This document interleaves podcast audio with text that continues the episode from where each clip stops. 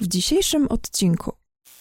Kiedy mówimy o badaniu Galupa, mówimy o online'owym kwestionariuszu, który diagnozuje nam nasze wrodzone talenty jeżeli jesteś zanurzony w takim środowisku, gdzie jest jakiś wzór, gdzie historycznie ta różnorodność była jakoś tam tępiona, a do tego ma, jesteś osobą, która ma obniżone takie swoje naturalne predyspozycje do tego, żeby patrzeć na coś obcego, innego jako zasób, a bardziej jako zagrożenie, no to to wszystko składa się na ten obraz nas e, jako osób, które no jednak z tą różnorodnością, z tą inkluzywnością nadal mają kłopot. E, wyobrażasz sobie taką edukację, w której e, uczeń przychodzi i odkrywa swoje talenty e, i rozwija je dzięki szkole. Mm, I każdego dnia, kiedy ma następne, następnego, kiedy ma iść do szkoły, to już się nie może doczekać. Jest to u niego ekscytacja. Więc po prostu zdrowie psychiczne młodych Polaków jest w takim stanie, że my, mówiąc my, mam na myśli takie pokolenie 40-latków i, i więcej, my naprawdę mieliśmy 300 razy lepiej. Bardzo często jak pracuję z nauczycielami, to słyszę, ale rodzice tego nie chcą, ale rodzice się będą, ale rodzice chcą ocen, ale rodzice chcą czegoś. Ja mówię, rodzice nic innego nie znają. To tak wprost powiem, tak? Ilu uczniów liceów e, bierze już psychotropy, to jest e, zatrważające. Sponsorem odcinka jest Open Nexus, twórca fundacji Kreatywni dla przyszłości. Witamy serdecznie w kolejnym odcinku. Kurs na Turkus na kanale Świadomie Myśląc. Dziś moim gościem Agnieszka Barsz. Witam Cię serdecznie, Agnieszko. Dzień dobry, bardzo mi miło. E, jakbym miał Cię przedstawić, to dla mnie jesteś osobistym coachem od e, Galupa. Korzystałem z Twoich usług. Więc y, będziemy też o tym rozmawiali, właśnie o galupie, o tym, jak można gdzieś tam odkrywać sobie talenty. Ale wiem też, że jesteś nauczycielką, byłaś nauczycielką, ale sercem zostałaś tą nauczycielką, bo według mnie nauczycielem się nie tylko, mm, y, to nie jest zawód, tylko to jest pewna taka misja, więc, więc mhm. traktuję cię jako nauczyciela już bardziej może zawodowego, e, coacha w, w, tym momencie, ale masz też doświadczenie bogate bardzo, bo ponad 18-letnie e, w szkole.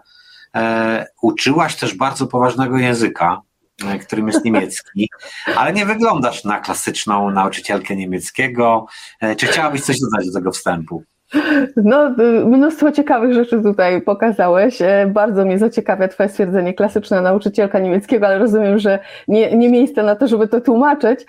Natomiast tak, wszystko się zgadza. Moje serducho zawsze będzie biło do edukacji i też ten obszar cały czas u mnie jest mocno żywy. Współpracuję z nauczycielami, z nastolatkami, z rodzicami po prostu z innego punktu, tak, już nie z poziomu osoby, która aktywnie, czynnie zawodowo jest nauczycielem, tylko bardziej z poziomu osoby, która e, świadczy taką pomoc na zewnątrz.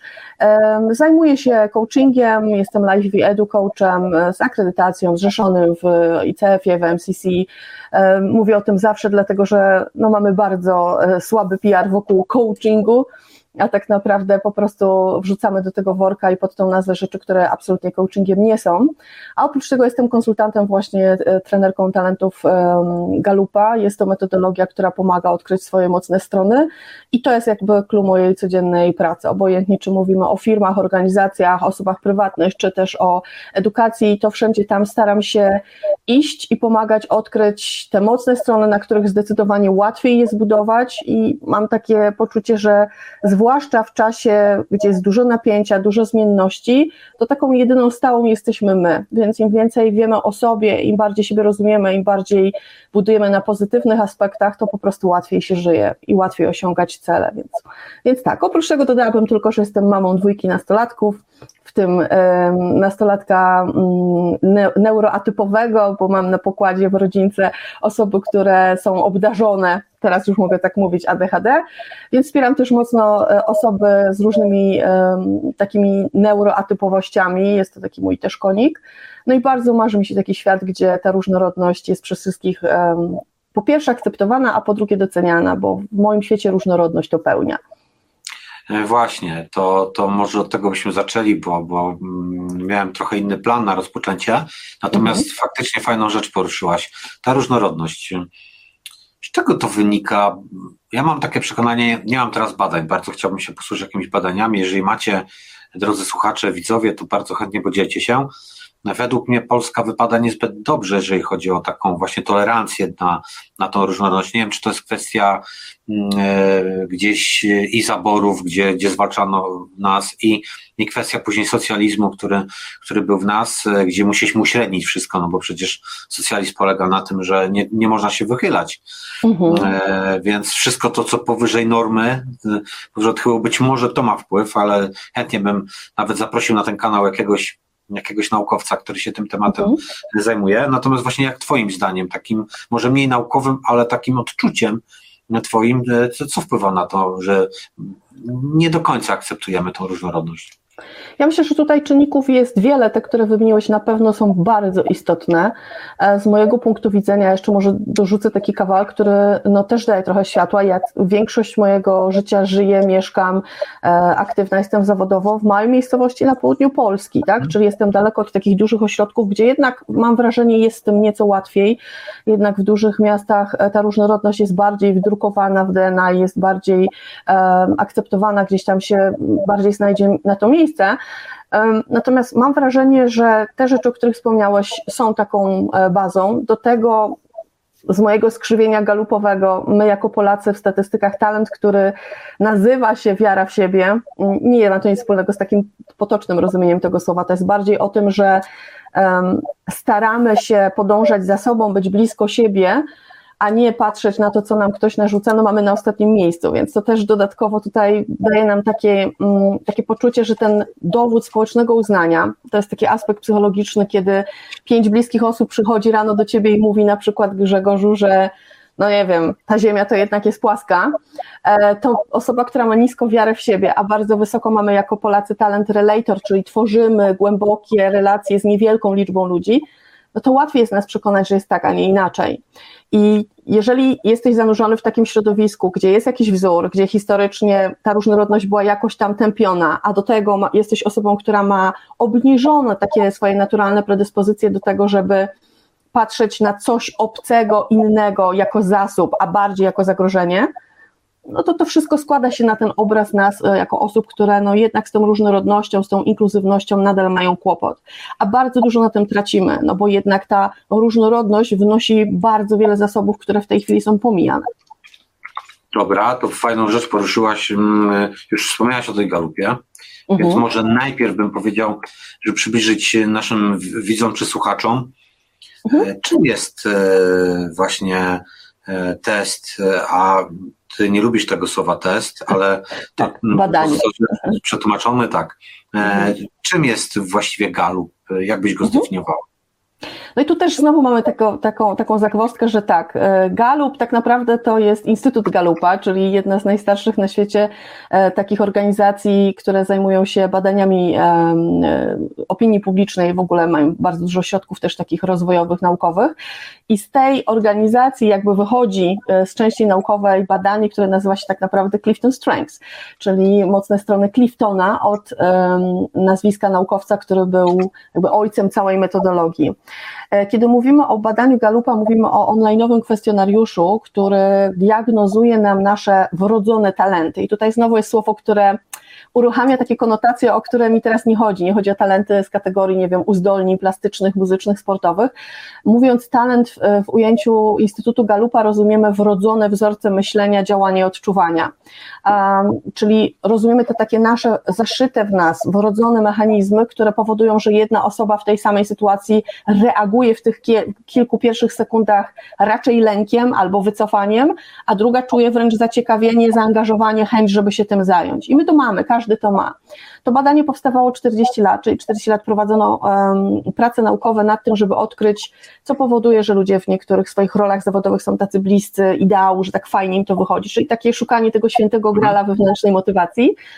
No i w wyniku tych badań, które były naprawdę na szeroką skalę zakrojone, bo tam objęły to badanie ponad 2 miliony ankiet z ponad 50 krajów, e, pracowano z organizacjami, menedżerami, ale też środowisko studentów, czyli młodych ludzi było uwzględnione, zdiagnozowano. Chciałbym tylko 2 miliony. 2 miliony, tak, rzadko tak. się robi takie badania na No i 40 skalę. lat, nie? I 40 lat trwały prace naukowe, więc trochę tego czasu na to poświęcono, dlatego taka duża trafność, adekwatność tego badania e, i częsty efekt takiego wow, gdzie ta kryształowa kula, z której czytasz, kiedy jestem w konsultacji ze sobą, że tak, tak dobrze to opisuje człowieka. Natomiast e, to badanie wywodzące się z psychologii pozytywnej daje nam nazewnictwo, jakby układa nam, szereguje 34 talenty, które według tej metodologii posiada każdy z nas i oczywiście nie używamy wszystkich 34, ale kiedy mówimy o galupie i nawiązujemy do tematu różnorodności, to łatwo zobaczyć, że jeżeli są 34 cechy, to jesteśmy unikatowi w tej metodologii. Ona trochę inaczej funkcjonuje niż inne badania, gdzie mamy pewne szuflady, tak? E, ja już nie chcę wspominać o takich testach typu, nie wiem, 16 personalities, tak? Czyli jest 16 typów osobowości, lądujesz w tej szufladzie, czyli co któraś tam osoba ma tak samo jak ty, co oczywiście nie jest prawdą, jest jakimś dużym uproszczeniem. W galupie nie ma tego zagrożenia, dlatego że każdy jest unikatowy. Powtórzenie tej samej sekwencji cech to jest jeden do trochę więcej niż ćwierć sekstyliona, no bo tyle wynosi 34 cechy, żeby znaleźć osobę e, Ciężko dokładnie. Ciężko mi sobie nawet tą liczbę wyobrazić. Prawda? Więc to, to jest fajne, że przy tym badaniu skupiamy się przede wszystkim na człowieku, ja takie trzy efekty, które najczęściej widzę. Po pierwsze, ulga, wszystko ze mną ok, i to ma bardzo duże znaczenie, zwłaszcza u osób, które gdzieś w jakiś sposób umykają standardom danego środowiska, otoczenia i myślą sobie wtedy zazwyczaj, że kurczę, coś ze mną jest nie tak, ja tutaj nie pasuję, powinienem się zmienić. Tymczasem okazuje się, że nie, wszystko z tobą jest ok, tylko masz zupełnie inny zestaw motywacji i potrzeb, bo ja bardzo mm, w swojej pracy uciekam od tego, żeby wiecznie powtarzać, jaki mam zestaw galupowy, bo on w jakiś sposób nas zawsze ogranicza do osób, które znają tą metodologię, znają to nazewnictwo. Bardzo uczulam osoby, z którymi pracuję, zespoły ludzi, żeby jednak mówić językiem motywacji i potrzeb. Czyli dzięki temu badaniu ja potrafię sobie to świetnie nazwać. Ja to nazywam prywatnie, tworzę sobie instrukcję obsługi siebie, czyli ja wiem, że takie zadania mnie motywują zawsze, nie trzeba kija marchewki. I mhm. potrzebuję z otoczenia na przykład, nie wiem, takiej częstotliwości kontaktów, takiej swobody, nie wiem, uprzedzania i tak dalej, więc tworzę tę instrukcję, a potem jeżeli uczę się takiego języka wspierającego relacje, to jestem w stanie o tym komunikować otoczenie i to nam podnosi efektywność, produktywność, a przede wszystkim podnosi nam dobrostan we współpracy z innymi ludźmi, bo jesteśmy bardziej widziani, bardziej rozumiani, dajemy sobie to pole na to, że ktoś ma inaczej i to nie jest w kontrze do mnie, tylko to nas uzupełnia. Dobra, to dwie rzeczy, które mnie tutaj bardzo zainteresowały. Jeszcze mhm. wcześniej wspomniałaś, zanim wytłumaczyliśmy Galupa, o tym, że Polacy mają tą wiarę w siebie bardzo nisko, chyba na 34 mm, tak. pozycji. Według statystyki, tak. Mm, mhm. Czyli e, zapamiętałem to, bo powiedziałeś, że mam wyjątkowo wysoko i tak. Mm, to jakby wynika, znaczy konsekwencje są takie, że zastawiamy się autorytetami i nie wierzymy trochę, e, że Dokładnie. możemy coś to będzie miało też prze, przejaw w tworzeniu biznesu, w innowacji. Zauważmy, że, że to jest jakby później przełożenie na całą gospodarkę naszą, bo brak wiary w siebie może mi, ja bym powiedział tak, y, mi bardzo dużo dodało wiary w siebie i pewnie gdzieś tam podskoczyłem w tym rankingu, y, to, że miałem na, na okazję poznać prezesa Krzysztofa Olszewskiego, twórcę Solarisa dla mm. którego pracowałem, no i on po prostu robił rzeczy niemożliwe i, i robił tak Polak, tworzył markę e, w branży autobusowej, więc to spowodowało, mówię, kurczę, rozmawiałem z nim wielokrotnie, a on mówi, jeżeli chcesz coś zrobić, to to zrób, a nie mów o tym e, i uwierz w to. E, I to jest coś, coś niesamowitego, że, że powinniśmy też w edukacji zwracać na to uwagę, Dokładnie. bo według mnie można to, ten talent ewidentnie podnieść w społeczeństwie. A jeżeli on jest na 34, to, to coś jest tu nie tak z nami. E, tak no wiesz, to też no, jakby dopięłabym też do tej sytuacji, zobacz, my mamy bardzo wysoko też e, i odpowiedzialność, i osiąganie, jesteśmy produktywni, na wielu rzeczach się znamy, lubimy się uczyć, e, ale jednak bardzo wielu naszych młodych, wspaniałych naukowców, taka myśl, no jednak musi spotkać się z jakimś, już nie, nie mówię, że samym kapitałem, ale właśnie z takim napędem, jakim wspomniałeś teraz, taką osobą, która ci powie, słuchaj, to jest świetne, rób to, po, po, co w ogóle się zastanawiasz, jedziesz baby, tak? To jest ważne, że nam brakuje tego i wiecznie patrzymy na to, co inni, co inni w tym koncepcie, a przecież jeżeli robimy rzeczy innowacyjne albo w ogóle robimy rzeczy po swojemu, to bardzo trudno będzie w tej pierwszej fazie uzyskać akceptację otoczenia, dla której to jest nowe, nieznane, obce, a kto wie, być może nawet zagraża jakiemuś status quo. Więc e, doskonale pokazałeś tutaj ten efekt, że talenty mamy, one są zaszyte i wrodzone, ale duże znaczenie ma też otoczenie i tu szczególnie zwracam uwagę na to, że to otoczenie jest e, bardzo dużym czynnikiem w tym pierwszym okresie naszego życia, w tak zwanym okresie formatywnym, czyli te pierwsze około 25 lat życia, kiedy nasz mózg nieustannie się przebudowuje, a to jest okres edukacji. Właśnie. Tam trzeba naprawdę bardzo mocno być czujnym i tworzyć takie otoczenie, które po pierwsze jest inkluzywne dla różnorodności, a po drugie stymuluje do tego, żeby człowiek mógł się zastanowić, kim jestem, w którą stronę, w czym jest łatwiej, w czym jest trudniej i jak teraz tym wszystkim zarządzać. A trochę tego u nas nie ma. Właśnie, bo jesteśmy na kanale Kurs na Turkus, on jest rozwojowy, biznesowy. Poruszyłaś mhm. kwestię, bo ciężko rozdzielić te dwa kanały. Tak. Poruszyłaś kwestię teraz edukacji, czyli kreatywni dla przyszłości. Ja, pomimo, że jesteśmy na kanale Kurs na Turkus, to jednak trochę nawiążę do tej edukacji, żeby mhm. pokazać, że to się wiąże później na to, czy jesteśmy spełnieni w pracy, czy nie jesteśmy spełnieni w pracy, bo naprawdę to są ważne rzeczy. I, I powiedz mi, mm, jakby od tej strony, e, wyobrażasz sobie taką edukację, w której e, uczeń przychodzi i odkrywa swoje talenty e, i rozwija je dzięki szkole. Mm, I każdego dnia, kiedy ma następnego, następnego, kiedy ma iść do szkoły, to już się nie może doczekać. Jest to u niego ekscytacja z powodu właśnie wyjścia do szkoły, co teraz mhm. wydaje się oczywiście niemożliwe.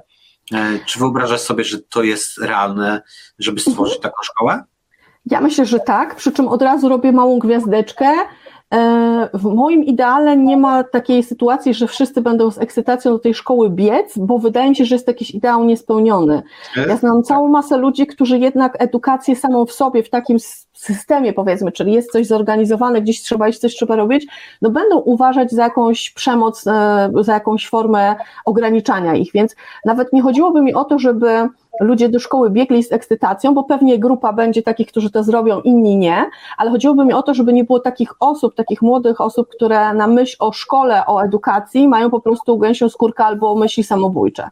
To jest pierwsza rzecz, o której powinniśmy pomyśleć, żeby tak nie było. się no, śmieję bo to nie jest śmieszne, Wiesz, nie? Ale... Nie jest to śmieszne, ale rzeczywiście no jest to teraz naszym współdziałem, że młodzi ludzie, no w Polska w tych statystykach e, drastycznych po prostu przoduje. Ja miałam okazję ostatnio rozmawiać również e, z Joanną Flis, która jest psycholożką i e, w ramach programu Uważne Głowy, Młode Głowy z Fundacją Unaweza Martyny Wojciechowskiej prowadzą teraz badania, w kwietniu będą wyniki tych badań i ona podzieliła się z nami takimi pierwszymi insightami. Na początku myśleli, że tam, nie wiem, 10 tysięcy uczniów obejmie to badanie. W tamtym momencie, kiedy rozmawiałyśmy, było już to już 100 tysięcy przepracowanych ankiet, a jeszcze 30 chyba tysięcy leżało do przepracowania.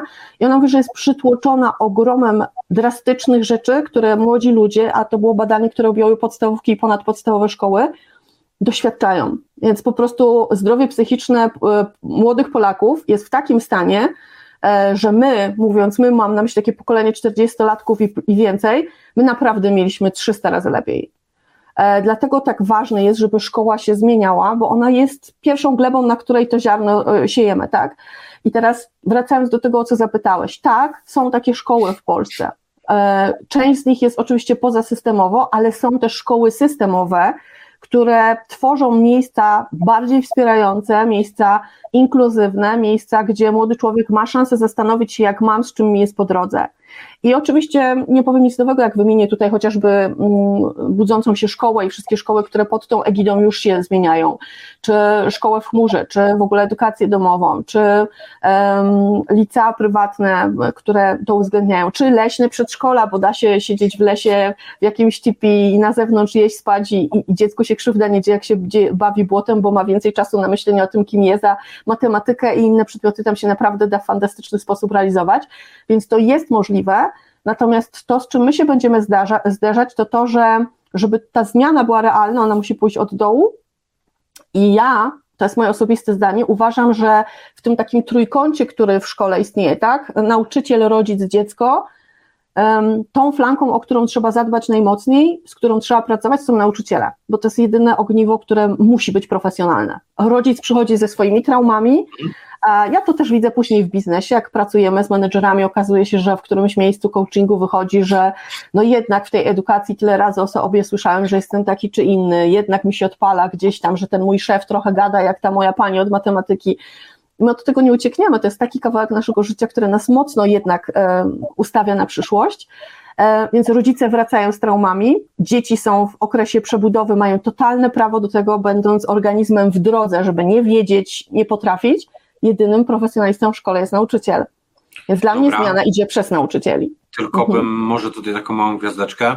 Mhm. Rzeczywiście, bo to jest dla mnie to jest taki coach, który ma poprowadzić i, i rodzica często, i tego e, i to dziecko, nawet skazać rodzicowi.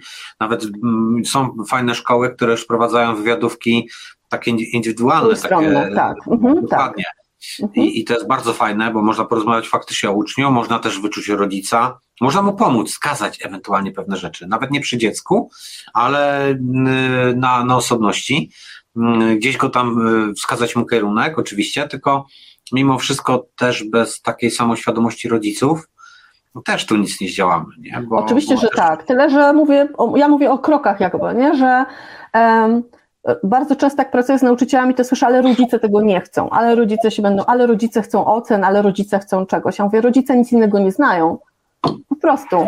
Dlaczego Dokładnie. mieliby chcieć czegoś innego? Oni zresztą wchodząc do szkoły często wchodzą z pozycji jakiegoś petenta, a nie równoważnego podmiotu do dyskusji, e, więc tak jak mówisz, te wszystkie rzeczy organizacyjne, po to mamy technologie, Librusy, wulkany, wszystkie inne rzeczy, żeby to szło tym kanałem, a spotykajmy się z drugim człowiekiem plus jego druga część, czyli ten młody człowiek, który jest w drodze, i myślę, że za rzadko w edukacji pamiętamy o tym, czemu ona ma służyć. W tej chwili, jak rozmawiam z młodymi ludźmi, to szkoła w Polsce jest przechowalnią jest miejscem dla rodzica, gdzie można to dziecko oddać na ileś godzin, kiedy ja idę do pracy, no i ktoś go tam czegoś ma nauczyć, tak, no bo są jakieś egzaminy mityczne do zdania, a dla ucznia jest miejscem, do którego się go zmusza, żeby poszedł, jest pół biedy, jeżeli ma fajnych e, kolegów i otoczenie jest na tyle wspierające, że idzie z chęcią dla tych przerw, tak, dlatego dla wszystkich tych miejsc, gdzie może sobie budować relacje, ustawiać się w społeczeństwie, a zobacz, e, świat rozwija się w tej chwili tak, że wiedza, która oczywiście to jest nie tylko e, sama informacja, tak, bo informacja to nie wiedza, ale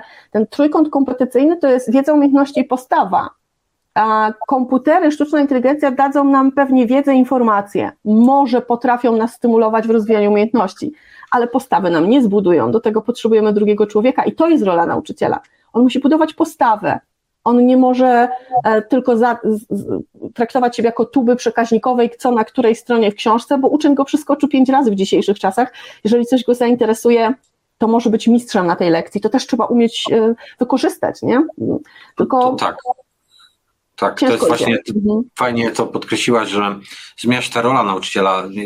Ja tak powiedziałem o tym rozmarzeniu się, oczywiście, że idziemy z ekscytacją do szkoły i, i pewna grupa powinna taka być, jak, naj, jak najszersza.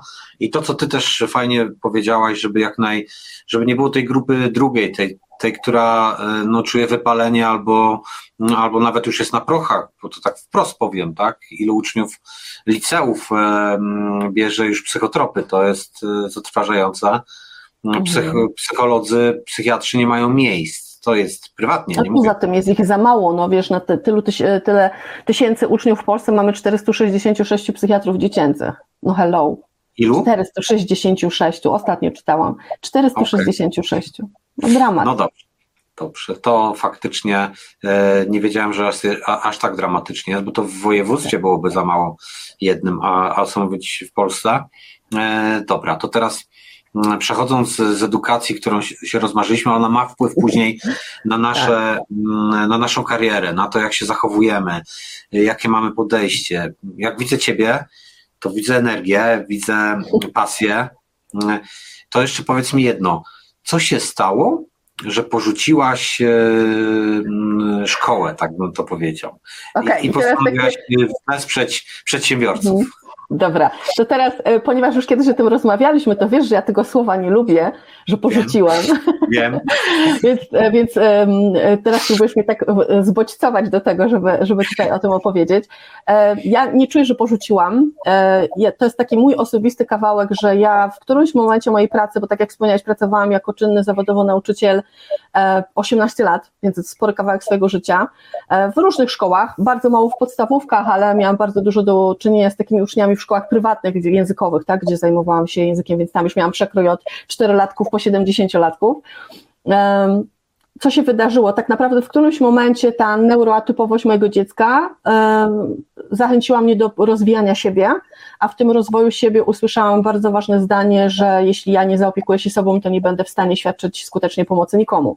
No niby taka prawda nieobjawiona, tak, no każdy to wie, ale to było takie zdanie, które było game changerem. Ja się wtedy zainteresowałam coachingiem, e, poszłam na pierwszy kurs coachingowy e, do mojej takiej mentorki, jeśli chodzi o edukację i coaching, prekursorki w Polsce, Lilianny Kupaj, która jest w tej chwili, przynajmniej na mój stan wiedzy, jedyną osobą w Polsce, która właśnie nauczycieli wyposaża w kompetencje coachingowe. E, tworzy dla nich programy, książki, e, też daje, to, daje takie kompetencje, więc można być nauczycielem, coachem. ja przez pewien czas myślałam, że ja zostanę właśnie w szkole jako taki nauczyciel, coach, tutor na wzór e, amerykańskich placówek, gdzie, gdzie to ma miejsce.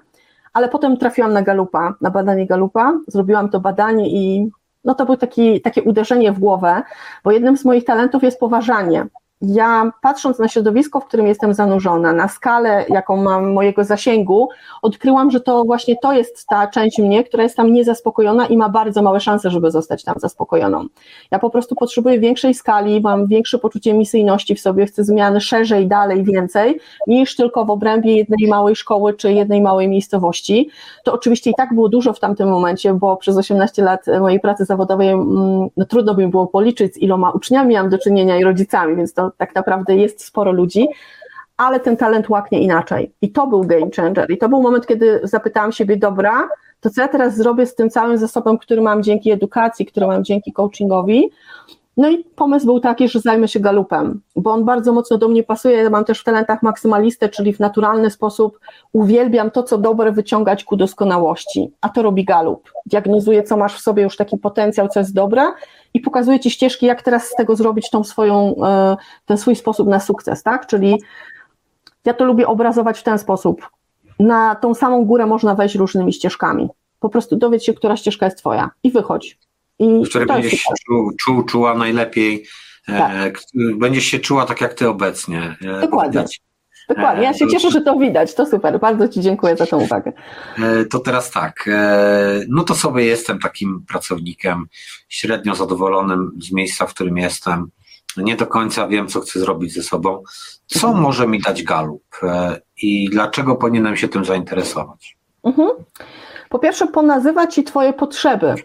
E, I znowu powiem, e, im młodsze pokolenie, tym łatwiej z tym nazywaniem potrzeb, chociaż nie zawdzięczamy tego edukacji, tylko bardziej temu, że ludzie z młodszych pokoleń bardziej, powiedziałabym, są mądrzy ale to tak oczywiście w cudzysłowie, ale to mądre, ta mądrość polega na tym, że nie wierzę już w tą, przepraszam, że użyję takiego sformułowania, ale ono gdzieś tam biega też, e, nie wierzę już w tą kulturę takiego zapieprzania, tak? Nie są chomikami w klatce, tylko chcą celowo, chcą wiedzieć po co, więc oni łatwiej swoje potrzeby nazywają. Moje pokolenie, znowu nawiążę do tego, ma z tym w większości duży problem, bo nas nikt nie uczył, nas przede wszystkim nikt nie pytał, w dzieciństwie wielokrotnie nam zaprzeczano w to, co czujemy, czemu płaczesz, nie ma o co ryczeć, a w ogóle to, to nie powinna się teraz wstydzić, a nie powinnaś teraz czuć tego czy tamtego, więc nam ten kontakt z samym sobą ucinano od dzieciństwa, więc trudno teraz w dorosłości e, odbudowywać to, a warto. I badanie daje taką pierwszą flankę, bo niby online'owe e, badanie, gdzie po prostu dokonujesz wyboru między stwierdzeniami, masz na to ograniczony czas, a potem okazuje się, że wychodzi ci, że na przykład twoją olbrzymią potrzebą jest rozwój. Jesteś w miejscu, które tego rozwoju nie stymuluje, a wręcz jeżeli ty się jeszcze indywidualnie rozwijasz, to też taki mój trochę kawałek, e, to jesteś odczytywany jako dziwak albo ten, który niepotrzebnie podwyższa standardy, bo poza jeszcze nie daj Boże, zaraz szef powie, że my też musimy się tak rozwijać jak ty. Więc nazywa potrzeby, to jest pierwsza rzecz, a jak już je nazywa, to też podpowiada strategię, bo to jest też w raporcie zaszyta, oprócz tego zawsze zachęcam do tego, żeby to skonsultować z drugim człowiekiem, bo to jest e, no nie do przeskoczenia wartość, tak? Porozmawiać z kimś, kto zada ci właściwe pytania, to nagle okazuje się, że niekoniecznie musisz od razu zmieniać pracę. Czasem możesz po prostu zmienić sposób, w jaki działasz, e, nauczyć się nowych strategii zarządzania swoimi potrzebami, tak żeby one były karmione i ci służyły, a nie żeby były twoim kosztem. Bo od razu mhm. muszę tutaj podkreślić, że bardzo często jak ludzie słyszą, że to jest badanie talentów, to myślą, że potem w spotkaniu usłyszą tylko same pozytywne rzeczy. Tymczasem każda rzecz na tym świecie, również talenty, jest jak kijek. ma dwa końce. Czyli z jednej strony coś ci daje, ale z drugiej strony jest jakiś koszt. Życie nie jest bezkosztowe. Czyli jeżeli ja mam na przykład talent uczenie się fantastycznie, ja naprawdę uważam, że to jest e, kompetencja, która nie pozwoli mi się szybko zestarzeć, bo ja mam nieustanne zaciekawienie. Dla mnie chat GPT to nie jest zagrożenie, tylko to jest ciekawe, jak to wykorzystać, gdzie to mi ułatwi moją pracę ale z drugiej strony no można też pójść w bardzo taką ciemną stronę każdego talentu, czyli w wypadku na przykład uczenia się i rozwoju, no możesz wiecznie, jak my to mówimy, ćpać ten rozwój, tak, czyli ze szkolenia na szkolenie, z warsztatu na warsztat, z książki na książkę, w ogóle się to nie będzie przekładać na produktywność, zadowolenie, na to, że rzeczywiście to działa. Masz tylko mhm. wiedzę, a sam wgląd nie leczy, nie? Więc tak jest z każdym talentem. On ci coś daje, ale jest też jakiś koszt i uświadomienie sobie tego kosztu jest tym, co ja uwielbiam w słowach właśnie Joanny Flis. Ona ma takie fajne, sztandarowe swoje hasło, mówi, że dorosłość zaczyna się wtedy, kiedy widzisz, że życie nie jest tylko różowe, a dojrzałość zaczyna się wtedy, kiedy potrafisz mimo to być szczęśliwy i to ustawić się w tym życiu. I myślę, że Galup pomaga być bardziej dojrzałym, nie tylko dorosłym. To jest fajne. Dobra, to takie jeszcze dwie rzeczy. Wspomniałaś już wcześniej, że są 34 talenty. Tak. Ja słyszałem y, o takiej opinii, że perfekcjonizm może osiągnąć maksymalnie w tych pięciu, że każdy z nas ma te pięć talentów, nie mniej, nie więcej. Oczywiście, że nie znaczy, że nie powinniśmy patrzeć na inne, jak mhm. najbardziej, bo one często, tak jak ty to fajnie podkreślałaś, jak mieliśmy sesję coachingową, jeden z drugim się gdzieś tam zazębia tak. i jeden drugi można wspierać, można je wgrupować, mhm. tak żeby faktycznie wykorzystać maksymalnie, ale zgodzić się z tym stwierdzeniem, że jest takich pięć kluczowych, które, których możemy być tymi perfekcjonistami, ekspertami i w których będziemy... Ja nie, nie, lubię słowa perfekcjonizm, bo ja mam z nim bardzo takie niewspierające konotacje. Jako maksymalistka okay. jestem zagrożona perfekcjonizmem, więc właśnie muszę na niego bardzo uważać. Ja bardzo lubię tą taką optymalną wersję siebie, czyli taką, gdzie jest, e, są produkty, a jest mniej wysiłku niż e, musiałbyś to zrobić, jeżeli czegoś nie lubisz, nie? Więc lubię tą wersję. E, tych pierwszych pięć talentów według badań Instytutu Galupa odpowiada za 60% potencjału, więc jest fantastycznym początkiem. Zdarza się, że ktoś pracuje na pierwszej piątce i nagle mówi tak, no ale jest we mnie jeszcze taka część, jakiś taki kawałek, jakaś taka potrzeba, której nie widać, nie da się wytłumaczyć tymi pięcioma. Prawdopodobnie jest to talent numer 6, numer 7, więc może być tak, że zaczynasz z piątką, pracujesz z tą piątką rok, dwa, trzy, może nawet pięć lat pracować, bo tak naprawdę to nie jest badanie, które robisz, dostajesz opis i koniec i to już działa. Z tym trzeba pracować, czyli w codzienności mieć na to uważność, wracać, pytać siebie, co mi zadziałało, co nie zadziałało, co jest wspierające, co nie wspierające, korzystać z feedbacku. Dlatego w organizacjach, w których e, wprowadzałam już Galupa, jakby on jest też po pierwsze, służy temu, żeby się przedstawić zespołowi, pokazać, jak mam, kiedy będę najlepszą wersją siebie, kiedy możecie na mnie najbardziej liczyć. Z drugiej strony też pomaga budować wspierającą komunikację, trochę inaczej zarządzić zadaniami, bo nagle okazuje się, że no, opis stanowiskowy zawiera w sobie coś, co akurat ta osoba może być, tu być świetnym konektem i fajnie mi może w tym dopomóc, a potem pomaga również dawać sobie feedback bo ja bardzo zachęcam do tego, żeby w codzienności o tym pamiętać, że kurczę, widzę jak ten twój maksymalista tutaj działa, wow, ale zrobiłeś tutaj świetną rzecz, ja to tak nie potrafię i ta osoba ma szansę się podzielić, zobaczyć, napełnić tak zwane swoje pudełeczko e, tym insightem takim, który dostaje. Więc pierwsza rzecz podpowiada mi, nazywa, podpowiada, pokazuje. E, dwa, daje mi taką szansę nauczyć się innego języka, ja mam bardzo duże przekonanie do tego, że gdybyśmy poświęcali chociaż pół godziny dziennie, może 10 na początek minut, nad uważność na język, jak my mówimy, a przede wszystkim jak myślimy, bo to jedno z drugim jest związane, to dużo by się zmieniło. Bo ja to obserwuję też w edukacji. Zobacz, jeżeli mówimy, świetnie napisałeś to zadanie, ale, to to ale skreśla wszystko, co było wcześniej, skupiamy się na tym, co jest potem ale. Wystarczy zrobić jedną małą rzecz, każde ale zamienić na i świetnie to zrobiłeś i brakuje tutaj czegoś. Kocham cię i nie mogę ci kupić tej zabawki. Świetna robota i potrzeba jeszcze popracować nad tym i nad tym. Więc ja wierzę w siłę mikronawyków, małych rzeczy. A jeszcze dodatkowo bym powiedział tak, to co fajnie ty podkreślałaś, że nawet jeżeli się lepiej poznamy i nawet jeżeli nie jesteśmy doskonali, bo na przykład y, ja mam talent, y, który ma plusy, minusy, e, to jest y, i to dużo ma minusów również, e, to jest usprawnianie. E, mhm. czyli widzę wszystko, co może się wywalić. Tak, w, tak. Mhm. I ja to widzę, ja, tego, ja sobie nie uświadamiałem tego. Dlaczego ja reaguję, jak ktoś coś przedstawia jakąś koncepcję, a ja widzę 10 rzeczy e, od razu w głowie, poukładane, dokładnie co tam może nie wyjść i dlaczego warto. I, I oczywiście, że ja powinienem to zamienić na to, żeby zadawać pytania, żeby ktoś mógł dojść do, do tego. Często albo mi brakuje czasu, cierpliwości, e, bo myślę, że nauczycielem to ja dobrym nie byłbym, powiem tak. To jest strategia, to jest wyuczalne, to jest strategia. Mhm. Okej, okay, ale też pozwala to w jakiś sposób przekazać żeby najbliższym instrukcję obsługi do siebie. Dokładnie. Słuchaj, jeżeli mi coś zgłaszasz, to ja zawsze mam pierwsze co, mm, mam pewne uwagi, przemyślenia i ja je zgłaszam. Jeżeli nie chcesz, żebym ci je zgłaszał, to po prostu nie dziel się tym, rób jak uważasz. A u mnie to jest naturalne, że jeżeli ktoś przychodzi do mnie i mówi mi o czymś, to ja wychodzę z założenia, ok, to, to dobra, no to powiem ci od swojej strony, no to się łączy jeszcze u mnie z talentem uczenie się, e, tak. który jest bardzo wysoko, więc ja wręcz chcę się i doskonalić, i uczyć, i rozwijać. E, w związku z tym wydawało mi się kiedyś, że wszyscy tak chcą i wszyscy tak lubią, więc to też uświadomiło mi, że niekoniecznie ten układ Dokładnie. może być wspólny dla wszystkich. To jest raz rozumienie i dwa instrukcja obsługi po prostu. Mhm. Nawet jak ja jeszcze powiedzmy jestem nieudolny, czy ten sposób komunikowania mój jest nie, niewłaściwy, to jeżeli ludzie nie znają, znają moje intencje, to łatwiej mi zaakceptować jest moje wady, że tak. powiedzą mi coś, a ja od razu wiem po prostu, co się w tym.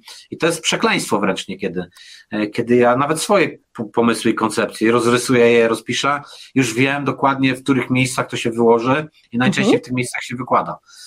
Jeżeli no, to jest super zasób, nie? Tylko e, można to też potem humorem, nie? Ty, ktoś ci o czymś opowiada, ty tam swoje wszystkie rzeczy, które zobaczyłeś, przedstawiasz, a, a ta osoba mając właśnie tą instrukcję od ciebie mówi, a, to teraz ci się uruchomił ten twój saper, Okej, okay, tak. dobra, czyli ty mi mówisz o tych minach na drodze. Wiesz, ja nie chcę na razie słyszeć o minach, bo ja mam z kolei tak, że jak ich będzie za dużo, to ja tracę motywację. Powiedz mi jedno najważniejsze zagrożenie, jakie widzisz. Świetnie, bo tak, bo dużo osób y, traci motywację, tak. y, chociaż ja uważam osobiście, że nie ma czegoś jak motywacja, ale dobra, ta taka... No, to jest mm, jakaś, jakiś konstrukt, jest... który nam jest potrzebny, żeby nazywać tą energię, która za tym idzie. O, nie? E, ja bardziej to energią, czy, czy, czy flow, czy takim tak. chęcią, e, dobra, nie, nie, lubię tej motywacji, bo ona mi się z marchewką kojarzy często, e, tą zewnętrzną motywację mówię. No tutaj. popracowaliśmy na to, żeby tak było, no nie? Trzeba tak, kogoś tak. zmotywować, czyli no jak to zrobić? No najłatwiej coś mu obiecać, dać, albo go czymś postraszyć nie? Czyli albo kij, albo marchewka. Tak, tak, ja się z tym doskonale z Tobą zgadzam i ja wręcz zachęcam, jak pracujemy zespołowo, to zawsze zachęcam, słuchajcie, e, wiem, że to kosztuje czas, ale to jest naprawdę najlepsza inwestycja, jaką możecie zrobić. Uwspólniajcie, co pod tym rozumiecie. Czy właśnie kiedyś byłam na warsztacie, gdzie zespół miał takie jedno swoje specyficzne słowo, które niesamowicie uruchamiało frustrację u jednej z osób, bo ona totalnie coś innego pod tym widziała. I kiedy daliśmy sobie takie 10 minut w czasie warsztatu na przedyskutowanie po kolei, co ci się odpala, jak słyszysz to słowo, co ty pod tym widzisz, to jeden z panów usiadł i mówi, Boże, to chyba będzie najlepszy moment całego tego wyjazdu, bo ja w ogóle jestem w szoku, co wy pod tym widzicie, ja w ogóle w życiu bym na to nie wpadł, że można tak to rozumieć, więc uwspólniajmy te definicje, bo język jest tym, gdzie bardzo często są zaszyte nasze wyzwania. Czyli po prostu zmiana w języku, uważność na słowa, na to, jak my coś komunikujemy, albo też sprawdzanie z osobami, jak ty to słyszysz, to jak to słyszysz, to co ci się odpala, co się u ciebie zadziewa, co ci to robi po prostu. To są właśnie te elementy, które powodują, że człowiek może powiedzieć, wiesz, jak ty mi tak wymienisz siedem rzeczy, na których mi się ten mój projekt wywali, to mi po prostu pióra opadły, ja idę do siebie i mówię, nie, to ja w ogóle się za to nie zabieram.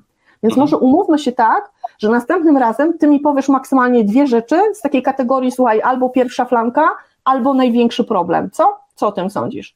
I naprawdę to właśnie jest ten game changer, który powoduje, że ludzie lepiej ze sobą wtedy współpracują, osiągają więcej, motywują się, chcą być w tym kontakcie, czyli korzystają z Twojego talentu.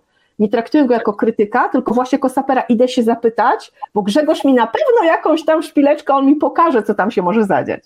A to Nie, jest produktywne. No to też jest fajne, że generalnie y, cała praca zespołowa, tego nas w szkole też nie uczą, no, opiera się na tym, że każdy z nas jest inny i to powstaje coś tak. fantastycznego, ale pod warunkiem, bo ja ten rozwój widzę też u nas w firmie, w zespole, mhm. że kiedyś było dużo przepalania czasu i dużo spotkań innych, a teraz już im bardziej siebie znamy, bo już długo ze sobą współpracujemy, to budując projekt, każdy wie, y, jakich talentów mu brakuje, albo przynajmniej intuicyjnie, ci bardziej świadomi i dobierają sobie już naturalnie, tu się łączą tak. w zespoły i wtedy fantastyczne rzeczy powstają, bo, bo właśnie to, połączenie różnych, różnych talentów powoduje, że, że, że osiąga się wielkie, wielkie rzeczy i to jest fantastyczne. Dobra, teraz jeżeli kogoś zainteresowaliśmy tematem, e, mhm to wiem, że tak, może albo wejść na stronę Galupa i być tylko krótko o tym powiedziała i wypełnić sobie ankietę, albo mhm. może też skorzystać e, dwa w jednym, czyli u Ciebie wykupić y, y, tą samą ankietę za ten sam budżet plus dodatkowo Twoje wsparcie. Tak. E, I, I te dwie rzeczy, różnice pomiędzy samodzielnym wypełnieniem, a Twoim wsparciem i wartość, jaką, jaką możesz dać. Ja też od siebie coś dopowiem, e, mhm. natomiast najpierw, e, najpierw możesz się przed, okay. przedstawić, jak to z strony. Mamy, mamy ścieżkę samodzielną, wchodzimy na platformę Galupa, wykupujemy sobie badanie, ono jest oczywiście odpłatne, więc od razu wrzucę tutaj może widełki, bo to też pewnie ludzi będzie interesować. Ta wersja, bo badanie jest jedno, od razu zaznaczam, to jest cały czas to samo badanie, tylko można wykupić dwie wersje raportu. Tak jak wspomniałeś, mamy raport, który który opiera się tylko na pierwszych pięć, tych mających 60% potencjału nam pokrywających talentów. I to jest w tej chwili inwestycja rzędu około 130-120 zł, bo teraz e, niedawno w styczniu były podwyżki w Galupie. I wersja pełna, czyli 1 do 34 całe DNA talentowe widzę, e, to jest kwota rzędu 300 chyba 20, 330 zł na dzisiaj. I to jest badanie. Wykupujemy dostęp, logujemy się na platformie, wypełniamy ankietę, i potrzebujemy 30-40 minut czasu bez dystraktorów i bez przerwy, żeby przejść przez to badanie. A test bez... jest po polsku czy po angielsku? Tak, język sobie wybieramy i tutaj też mocno podkreślam, że osoby, które nawet pracują od wielu lat w środowisku międzynarodowym, gdzie na przykład posługują się językiem obcym, to pamiętajcie, że dla mózgu okres formatywny to pierwszych 25 lat życia, więc ten język, który dla Was jest natywnym na ten okres czasu, tak? Jak 19 lat żyłam w Polsce, a potem już mieszkam za granicą, nawet 30, to i tak mój mózg się formułował w języku polskim. Więc badanie robimy w języku natywnym, to jest ważne. Tych języków w tej chwili tam jest chyba 27 dostępnych e, do zrobienia badania, między innymi polski. I po zrobieniu badania Platforma wypluwa nam od razu e, raporty. Jeżeli robimy top 5, to będą dwa raporty. Jeżeli robimy pełne badanie, to mamy tych raportów cztery. I w każdym wypadku ten, który jest spersonalizowany, czyli nie jest tylko opisem, definicją talentu, bo te raporty będą po polsku, tylko pokazuje mi, że mój maksymalista z moim learnerem tworzą taką mieszankę plus do tego moje naprawianie, to te raporty są zawsze po angielsku. Póki co nie ma tutaj tłumaczeń. Więc te mhm. będą po angielsku. I Gallup dba też o to, że przez pierwszych pięć dni dostajecie mailing od niego, takie wsparcie do pierwszych pięciu talentów, po kolei tam podpowiedzi, pytania. Jest platforma, z którą możemy pracować, jest bezpłatna aplikacja, na platformie mamy mini kursy, więc osoby, które czują się zmotywowane do tego, żeby pracować samodzielnie i mają już jakieś doświadczenia w pracy takiej właśnie, to zdecydowanie sobie z tym mogą poradzić. Natomiast to, co ja do tego dokładam, to jest moja wiedza. E, ja oprócz tego, że jestem certyfikowanym trenerem Galupa, jestem też e, akredytowanym coachem, więc łączę te rzeczy. To, co e, u mnie, to wykupienie badania, plus w pakiecie mamy po pierwsze sesję konsultacyjną, czyli 90-minutowe spotkanie online, w czasie którego ja przechodzę przez talenty dominujące. Jeżeli mamy to 5, to wiadomo, że przez całą piątkę, ale jeżeli mamy pełny raport, to opowiadamy sobie o tym, dokąd mogą sięgać dominujące, sprawdzamy pierwszą dziesiątkę, czy ona jest dominująca, opowiadam za każdym razem, jak wygląda talent dojrzały, jak będą wyglądały jego niedoskonałości i sprawdzam to z tą osobą, czy ona doświadcza tego. I często jest tak, że ktoś mówi tak, kiedyś miałem z tym ogromny kłopot, teraz jest trochę lepiej, bo po drodze trafiłem, nie wiem, na mądrego menedżera i tak dalej, Tworzymy strategię pod konkretne wyzwanie, takie krótkotrwałe, bo to nie może być wyzwanie długie, pamiętajcie, to jest 90 minut. E, I omawiamy też pięć ostatnich, bo pięć ostatnich to są takie sposoby, w których ty prawie nigdy nie patrzysz na świat, no ale możesz mieć ludzi w otoczeniu, którzy mają to w swoim e, topie, tak? I teraz tam może być ścieranie, niezrozumienie i próbujemy tam budować strategię na to, jak sobie tym radzić. I oczywiście to jest konsultacja. Po konsultacji dostajecie też ode mnie maila, w którym są materiały do pracy, takie krótkie podsumowanie wszystkich definicji, kroków, co dalej z tym robić. Ja akurat pracuję też w takim trybie, że każda osoba, z którą chociaż raz miałam sesję, trafia trochę do mojej galupowej rodziny, więc ze mną można być potem w kontakcie mailowym już zawsze. E, no i zachęcam osoby, które chcą rzeczywiście na talentach mocno się zmieniać, czyli na przykład zmiana zawodowa, e, awansowanie, wzmocnienie jakiegoś aspektu typu asertywność, pewność siebie, nie wiem, komunikatywność, styl komunikowania się z innymi, to mam też takie programy rozwojowe, czyli na przykład dwa miesiące, cztery spotkania co dwa tygodnie na już konkretnym celu, pracujemy już bardziej coachingowo, wykorzystując do tego talenty, żeby zbudować sobie um, po prostu taką postawę, gdzie korzystasz z tej wewnętrznej energii, z tego, że w ten sposób osiągniesz to szybciej i łatwiej, niż na przykład powielając schemat, który ktoś ci gdzieś tam sprzedał. Więc różnica jest w tym, że ja sobą, swoją postawą, energią i wiedzą wnoszę tą różnicę. To jest to. E, no, recenzję można przeczytać, póki co uważam, że robię tą robotę świetnie. Wiarę w siebie mam dość wysoko, więc ta moja skromność nie jest taka wielka. E, mam bardzo zróżnicowany zestaw talentowy. Moje talenty dominujące to tak naprawdę myślenie strategiczne, ale nie mam takiego układu, że mam 8 na 10, tylko mam 4, 2, 2, 2, 2, więc e, to powoduje, że jestem w stanie dogadać się naprawdę z każdym. Mhm. Ja potwierdzam e, i powiem, że z mojej strony wypełnienie samego badania nie dałoby mi tak wiele, jak, jak ta, ta rozmowa z sobą. Bardzo wiele mi to pokładało.